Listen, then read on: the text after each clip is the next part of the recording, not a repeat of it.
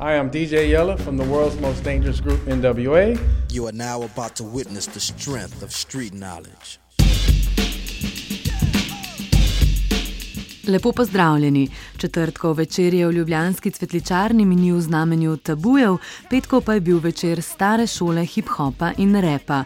Gostoval je namreč DJ Jela, eden od ustanovnih članov tako imenovane najbolj nevarne glasbene skupine na svetu, NWA. Prav tako je producent vseh treh albumov, ki jih je zasedba posnela in prodala v večmilijonski nakladi.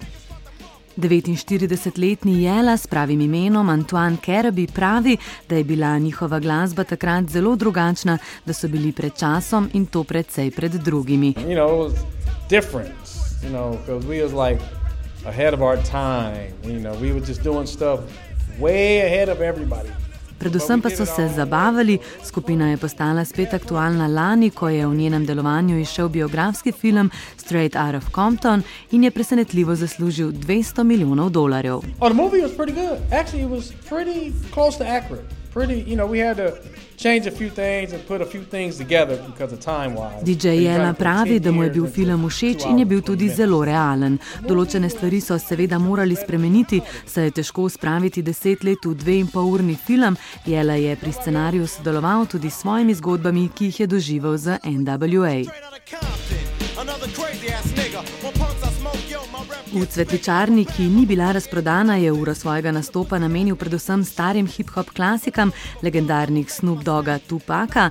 DJ Jela še vedno kdaj tudi nastopi z Ice Cubom, pravi pa tudi, da ni izključujoče, da bi se najbolj nevarna glasbena skupina spet kdaj zbrala skupaj.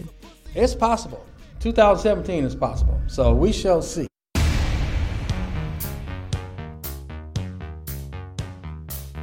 Billboardova ženska leta je Madonna.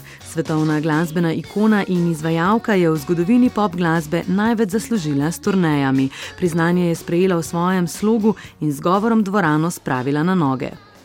Thank you for acknowledging my ability to continue my career for 34 years.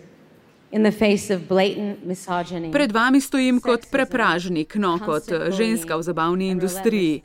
Hvala, da ste prepoznali mojo sposobnost, da že 34 let ustrajam pri karieri sredi odkritega seksizma, šovinizma, nenehnega nadlegovanja in zlorabe. Madonna je dodala še, da je bilo prvo leto življenja v New Yorku za njo vse prej kot rožnato, saj so ji grozili s pištolo, jo posilili na strehi z nožem na vratu in ji toliko krat ulomili v stanovanje, da ga je nehala zaklepati zaklepati.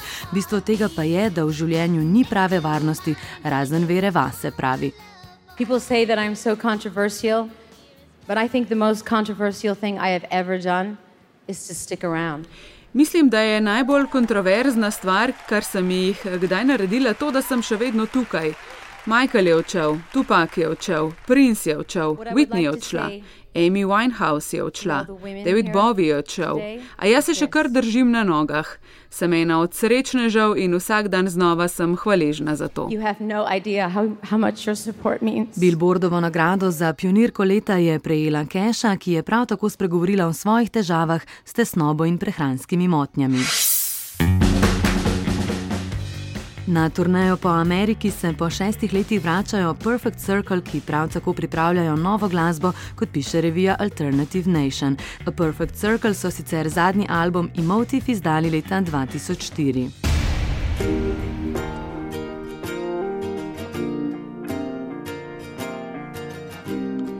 Iz sebe pa se je na Twitterju ponorčeval James Blunt, ki je upozoril, da če je bilo leto 2016 črno, bo 2017 še hujše. Takrat namreč pričakujemo njegov novi album, s to objavo pa pevec vrača udarec vsem tistim, ki kritizirajo njegovo glasbo. Pesem Your Beautiful namreč redno zaseda visoka mesta najslabših skladb, Blunta pa to očitno ne gane preveč. You're beautiful, you're beautiful. You're beautiful, it's true.